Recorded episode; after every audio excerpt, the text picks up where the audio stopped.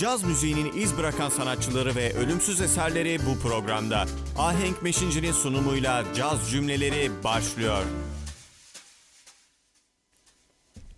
Herkese merhaba. Caz Cümlelerinin yeni programında sizlerle birlikte olmaktan mutluluk duyuyorum. Umarım hepiniz güzel bir hafta geçirmişsinizdir. Ee, bugünkü programda merceğimize bebop stilini almak istiyorum.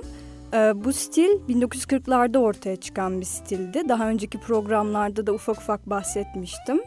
Ee, genellikle küçük ensambıllarla karakterize edilirdi bu stil. Ee, swing müziğinden etkilenmekle birlikte yüksek tempolar, kompleks harmonik yapılar ve akor geçişleri doğaçlamaya olan vurgu bebop'ta sıklıkla karşımıza çıkıyordu. Ki bu özellikler de bebop'u bebop yapan özelliklerdi. Ee, bebop kelimesinin kökenini ise caz vokalistlerinin sket yaparken kullandığı ve tam olarak anlamı olmayan hecelere dayandırabiliriz. Ee, bebop müzisyenleri hem besteci hem de icracı konumundalardı. Ee, Charlie Parker, Dizzy Gillespie, Thelonious Monk, Max Roach, Bud Powell, Kenny Clark, Miles Davis, Charlie Christian, Dexter Gordon, Art Blakey ve Sonny Stitt gibi müzisyenler bu stili oluşturup onu geliştirme konusunda büyük katkı sağladılar. Ee, bu stilin gelişmesi balo salonlarındaki dansın ve swing gruplarının popülaritesinin azalmasına da dayanıyordu. 1930'ların sonunda ise Duke Ellington Orkestrası ve Jimmy Lansford Orkestrası Cy Oliver ve Billy Strayhorn'un armonik olarak zengin ve gelişmiş aranjmanlarını müzik dünyasına sokmuştu. Ee, bu gelişmiş ve karmaşık armonik yapılarda genç müzisyenleri etkileyecekti elbette. Ee, bebop stili caz müzisyenlerinin yaratıcılık üzerine yoğunlaşmasıyla birlikte ortaya çıktı. Ee, popüler ve dans odaklı bir müzik olan swing'in karşısında artık yepyeni, canlı, karmaşık ve hızlı bir stil bulunuyordu. Bebop kesinlikle bir dans müziği olmayacaktı ve aktif bir şekilde dinlemeyi gerektiriyordu. Ee, bebop müzisyenleri ileri seviyede olan zor armonik yapılara, senkopa, altere akorlara ve akor değişimlerinin üzerine yoğun bir şekilde kafa yordular. Ee, ayrıca çaldıkları müzikal cümlelerde asimetrik yapılar vardı ee, ve bu yüzden melodiler oldukça karışık duyuluyordu.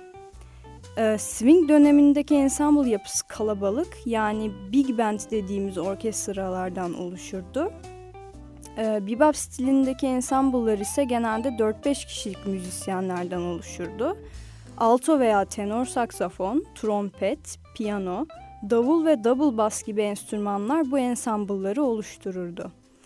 E, bebop müzisyenleri head denen ana melodiyi ritim section'ının eşliğiyle birlikte çalardı ve hemen arkasından içlerinden birinin doğaçlama solosuna geçerlerdi. Ve en sonunda tekrar ana melodiye dönüp performansı noktalarlardı. Doğaçlama sololarda da yer yer orijinal melodiye atıfta bulunurlardı veya başka parçaların melodilerindeki yapılardan da motifler duymamız mümkündü. Yani quote, alıntı, likler ve riff dediğimiz yapılar. Bazen ise kullandıkları yapılar ve melodiler tamamen spontane bir şekilde performans sırasında ortaya çıkardı. Bebop genel olarak enstrümantal bir formdu ama bazen grupların vokalistleri de performanslara dahil ettiklerini de görebiliyoruz. Ee, bu stilin ilk örnekleri büyük ölçüde, ölçüde Kansas City'de gelişmişti.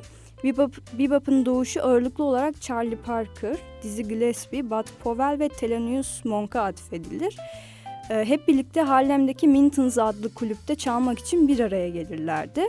Alışım, alışılmışın dışı kromatik yapılar, uyumsuz sesler ve melodilerdeki aksanlar üzerine denemeler yapmışlardı.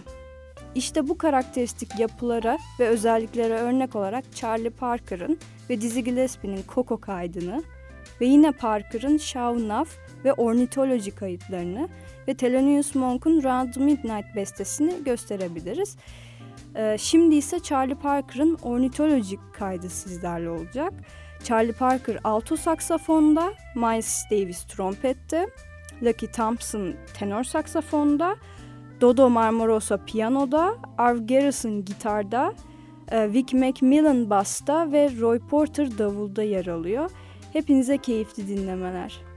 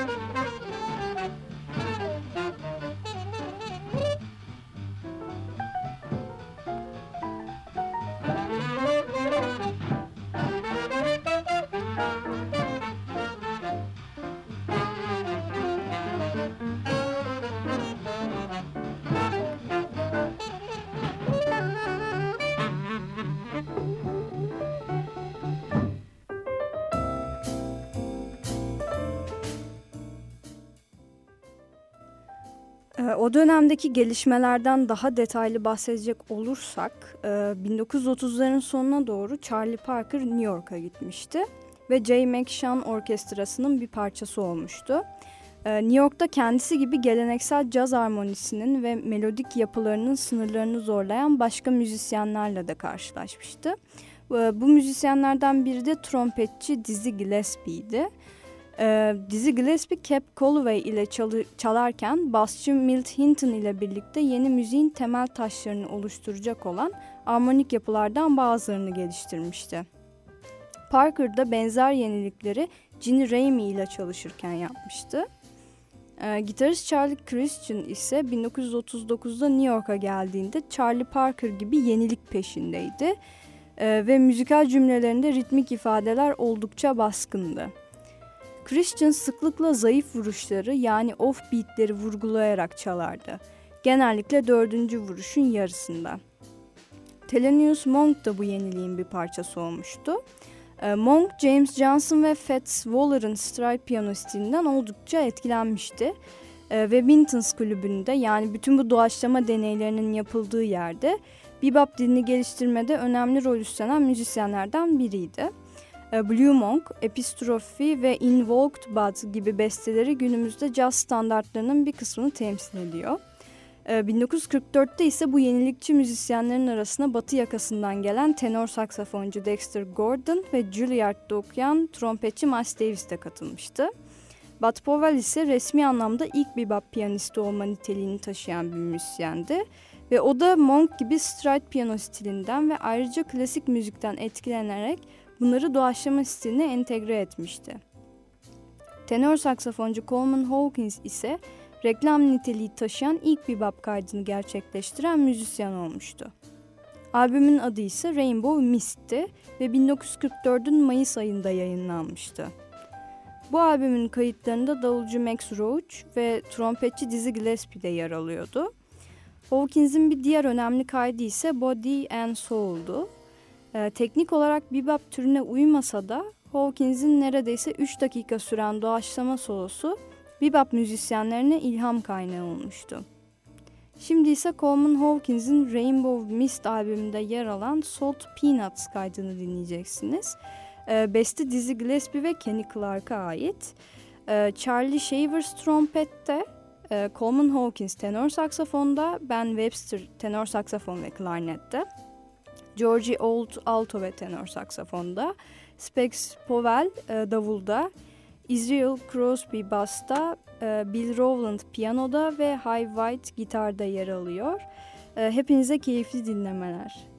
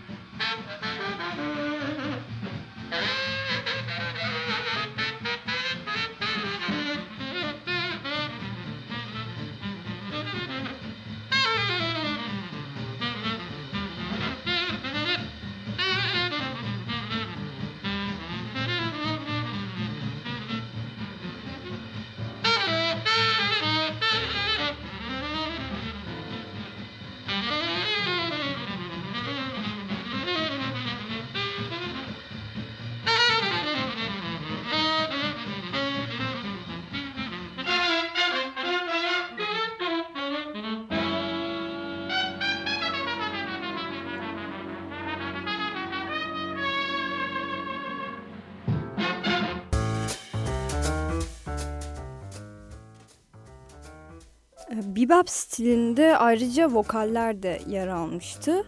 Ee, Billy Eckstein bu müzisyenlerden biriydi ve Earl Hines'ın Grand Terence Orkestrası'nda yer aldıktan sonra ilk hit parçasını 1939'da kaydetmişti. Önemli kayıtlarından birkaçı Jelly Jelly, The Jitney Man ve Stormy Monday Blues'du. Daha sonra Billy Eckstein kendi orkestrasını kurarak Opus X, Prisoner of Love Ubeb Shibem, She's Got the Blues for Sale parçalarını da kaydetmişti. Ee, bebop vokal stilinde ustalaşan bir diğer müzisyen ise Sarah Vaughan'dı. 1944'te Billy Eckstein'in orkestrasına katılarak I'll Wait and Pray parçasını kaydetmişti. 1945'te ise orkestradan ayrılarak solo kariyerine konsantre olmuştu. Popüler melodileri soyut bir şekilde yorumlayarak improvizasyon stilini geliştirmişti. Bounce Surely Above kaydını buna örnek olarak gösterebiliriz. Fakat şimdi bahsettiğimiz müzisyenlerden Charlie Parker ve Dizzy Gillespie'ye daha detaylı odaklanmak istiyorum. Çünkü onlar bebop'un en etkili figürlerinden olmayı başardılar. Ee, Charlie Parker 1941'e kadar Jay McShann'ın yanında kalmıştı. 1937 ee, senesinden beri bu orkestrada çalmaktaydı ve bu orkestra Kansas City Riff ve Blues stilini icra eden bir orkestraydı. Ee, yine 1937 senesinde Dizzy Gillespie, Teddy Hill grubunda Roy Eldridge'in yerini aldı ve, ve bu grupla birlikte Avrupa'ya gitti. Dizzy Gillespie müziğe adım attığı ilk zamanlardan itibaren başarıyı yakalayabilmişti ve Paris'te farklı çalışıyla dikkat çekmişti. Dizzy Avrupa'dan döndüğünde ise Cap Colway'in orkestrasına katılmıştı. O günleri de şöyle anlatmıştı. Büyürken çalmak istediğim tek şey swing'di. Roy Eldridge idolümdü. Hep onun gibi çalmayı denedim ama hiçbir zaman başaramadım. Başaramadığım için de çıldırıyordum. Sonra başka şeyler denedim ve böylece Bob denen şey doğdu. Parker'ın Jay McShann ile çalışmaları ise ara ara kesintiye uğramıştı. Harlem'de 3 ay boyunca bulaşıkçılık yapmak zorunda kalmıştı ve bazen çalacak enstrüman bulamıyordu. Parker o günleri şöyle özetlemişti. Hep panik içindeydim. Garajlarda gecelemek zorunda kalırdım. En kötüsü ise hiç kimsenin müziğimi anlamamasıydı. Bir keresinde Count Basie'nin grubunun elemanlarıyla çalarken Parker'ın tarzı ve çalışı pek beğenilmemişti. Parker improvize bir solo çalmak istediği sırada formdaki akor geçişlerini kaçırmıştı ve efsaneye göre Joe Jones Parker'a doğru bir davul zili fırlatmıştı. Böylece Parker sahneyi terk etmişti. Charlie Parker stili için şöyle demişti. O zamanlar herkesin kullandığı standart armonik yapılara tahammül edemiyordum. Hep başka şeyler olmalı diye düşünürdüm. Cherokee üzerine uzun bir doğaçlama yaptığım sırada bunu başarmıştım. Tiz aralıkları melodilerimde kullandığımı fark ettim ve bu melodik yapıların altına yeni armonik yapılar yerleştirdim. Bunca zamandır içimde duyduğum şeyleri artık çalabiliyordum. Bununla birlikte bir canlılık kazandım. Dizzy ise 1939'dan itibaren düzenleme üzerine çalışıyordu. İşte Charlie Parker ve Dizzy Gillespie'nin tanışması da 1939 senesine dayanıyordu. Parker 1941'de Jay McShann ve orkestrası ile New York'a geldi. Harlem'deki Savoy Ballroom'da bir konser verdiler. Parker ve Dizzy'nin ilk defa aynı sahneyi paylaştığı gün ise işte bugündü. Parker McShann orkestrası ile birlikte daha sonrasında New York'a döndü. Ama rutinden çıkmak istiyordu ve nihayetinde orkestradan ayrıldı. Bu orkestradan ayrıldıktan sonra neredeyse her gün Mintons adlı kulübe gitti. Orada piyanist Thelonious Monk, gitarist Charlie Christian, trompetçi Joe Guy, davulcu Kenny Clark ve basçı Nick Fenton grup halinde çalmaktaydılar. Parker'ın yeteneği bu camiada kabul görmüştü. Thelonious Monk Parker hakkında şunları söylemişti. Mintons'daki herkes onun farkında olmadan ortaya koyduğu yaratıcı dehasını hissediyordu. Dizzy de o zamanlarda büyük gruplarda çalmayı sürdürmüştü. Benny Carter, Charlie Barnett, Lucky Millinder, Earl Hines, Duke Ellington ve Billy Eckstein'in orkestralarında yer almıştı. 1943 senesinden itibaren Charlie ve Dizzy birlikte çalmaya başladılar. 1943'te Earl Hines'ın grubunda, 1944'te ise Billy Eckstein ile birlikte çaldılar. Aynı senede 52. caddede çalan bir grup kurdular. Leonard Feather dizi için şunları diyordu. 52. caddede kendisine hayran olan bir sürü kişi vardı. Giyinişini, yürüyüşünü, sakalını ve dış görünüşünü taklit edenler vardı. Dizi, bebop modası denen şeyi yarattı. Magazin dergileri bebop kravatları dağıtmaya başladı. Tony Scott ise ikili hakkında şunları söylemişti. Bir akşam Parker Don Bias ile Cherokee'yi icra etti. O sırada herkes çıldırmıştı. Herkes onların çalışı karşısında hayrete düşerdi. Çünkü kimse onların çaldığı gibi çalamazdı. Charlie ve Dizzy daha sonra birlikte kayıt yaptılar. 1942'de herkes deniyordu ama kimse farklı bir stil geliştiremedi. Bunu sadece Parker yapabiliyordu, dedi. Charlie Parker Quintet bu yıllarda oldukça önem kazanmıştı. Dizzy ise 1945'te kendi orkestrasını kurdu. Yine 1945'te Parker ve Gillespie, Clyde Hart ve Don Byas ile yeni kayıtlara imza attılar. Dizzy ise yine aynı sene lider olarak Maynard Plak şirketi için ilk kaydını gerçekleştirdi. Tenor saksafonda Don Byas, tr- trombonda Trami Young, piyanoda Clyde Hart, basta Oscar Pettiford ve davulda Irv Kluger yer almaktaydı. Ee, birlikte I Can't Get Started, Good Bait, Bebop ve Salt Peanuts parçalarını kaydettiler. Ee, şimdi ise sırada dizinin Something Old Something New albümünden Bebop sizlerle olacak. Dizzy Gillespie trompette, Kenny Barron piyanoda, Chris White basta, Rudy Collins davulda ve James Moody tenor saksafonda. Herkese iyi dinlemeler.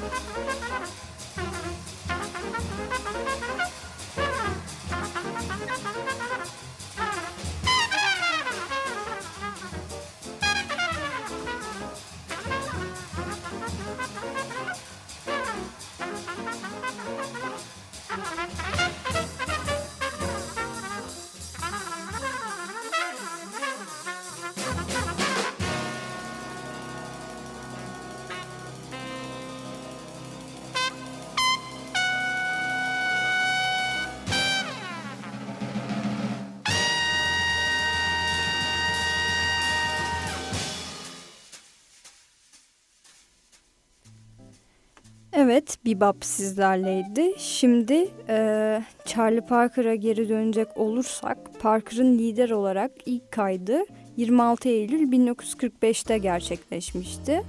E, trompette Miles Davis ve Dizzy Gillespie, piyanoda yine Dizzy Gillespie ve Sadik Hakim, e, basta Curly Russell ve davulda Max Roach yer alıyordu. Birlikte Warming Up a Riff, Billy's Bounce, Now's the Time, Coco ve Traving ona riff parçalarını kaydettiler. Parker, e, Coco parçasında Ray Noble'ın Cherokee parçasından esinlenmişti.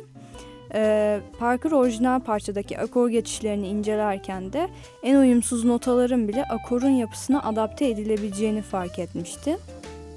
Yaptığı bu keşif sololarına olan yaklaşımını da kökünden değiştirmişti. E, Parker parçanın büyük bir kısmında doğaç, doğaçlama solosunu çalmıştı. E, parçanın yüksek temposu ve Parker'ın kafa karıştırıcı solosu dinleyiciyi müzikal anlamda şaşkınlığa uğratıyordu. Çünkü stilinin nereye gideceği belli olmuyordu. Ama Parker'ı dikkatli dinlediğimizde asla rastgele çalmadığını anlayabiliriz. Diziye geri dönecek olursak ise Things to Come kaydı dizinin e, pardon kaydı dizinin orkestrasının en önemli kayıtlarından biri olmuştu.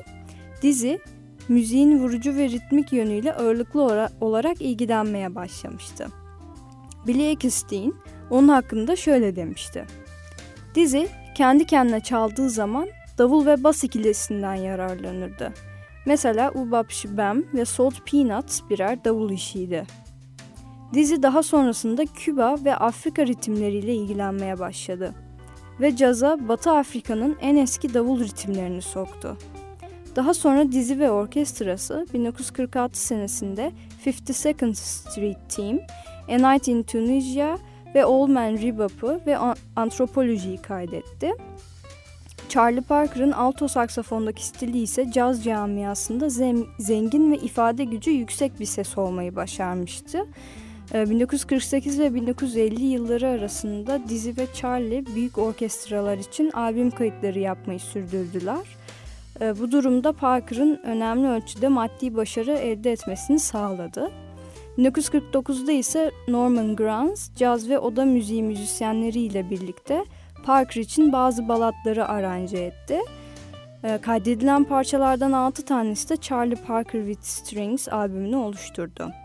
Bu kayıtlar Just Friends, Everything Happens to Me, April in Par Paris, Summertime, I Didn't Know What Time It Was ve If I Should Lose You'du. Şimdi ise bu kayıtlardan Just Friends sizlerle olacak. Hepinize keyifli dinlemeler.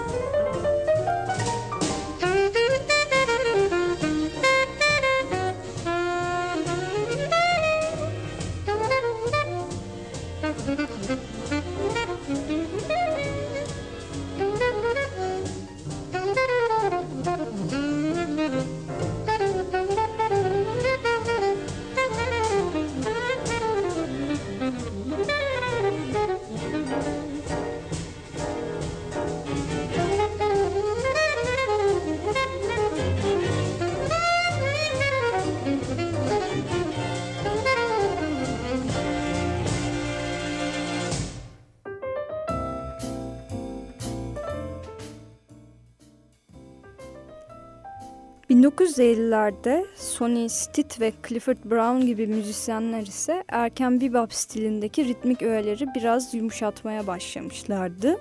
E, ritmik anlamda ilgi çekmek için keskin müzikal cümleler kullanmak yerine sololarında genellikle sekizlik notaları kullanmış ve bazı notaları aksanlı çalmışlardı. Bebop ve hard bop bu yıllarda cazın zirvede olan stilleri, stilleriyken Miles Davis ise cool stiline yön vermeye başlamıştı. Ee, bu stil John Coltrane, Jackie McLean ve Sonny Rollins gibi genç müzisyenlerin dikkatini çekmişti. Horace Silver ve Art Blakey gibi müzisyenler ise bebop'u kaba tabirle yapısal anlamda basitleştirip hard bop denen stilin ortaya çıkmasını sağladılar. Ee, Dizzy Gillespie ise 1950'li yılların ortasında yeniden büyük bir orkestra kurdu ve uzak turnelere çıktı. Asya'ya, Güney Avrupa'ya ve daha sonra da Güney Amerika'ya gitti.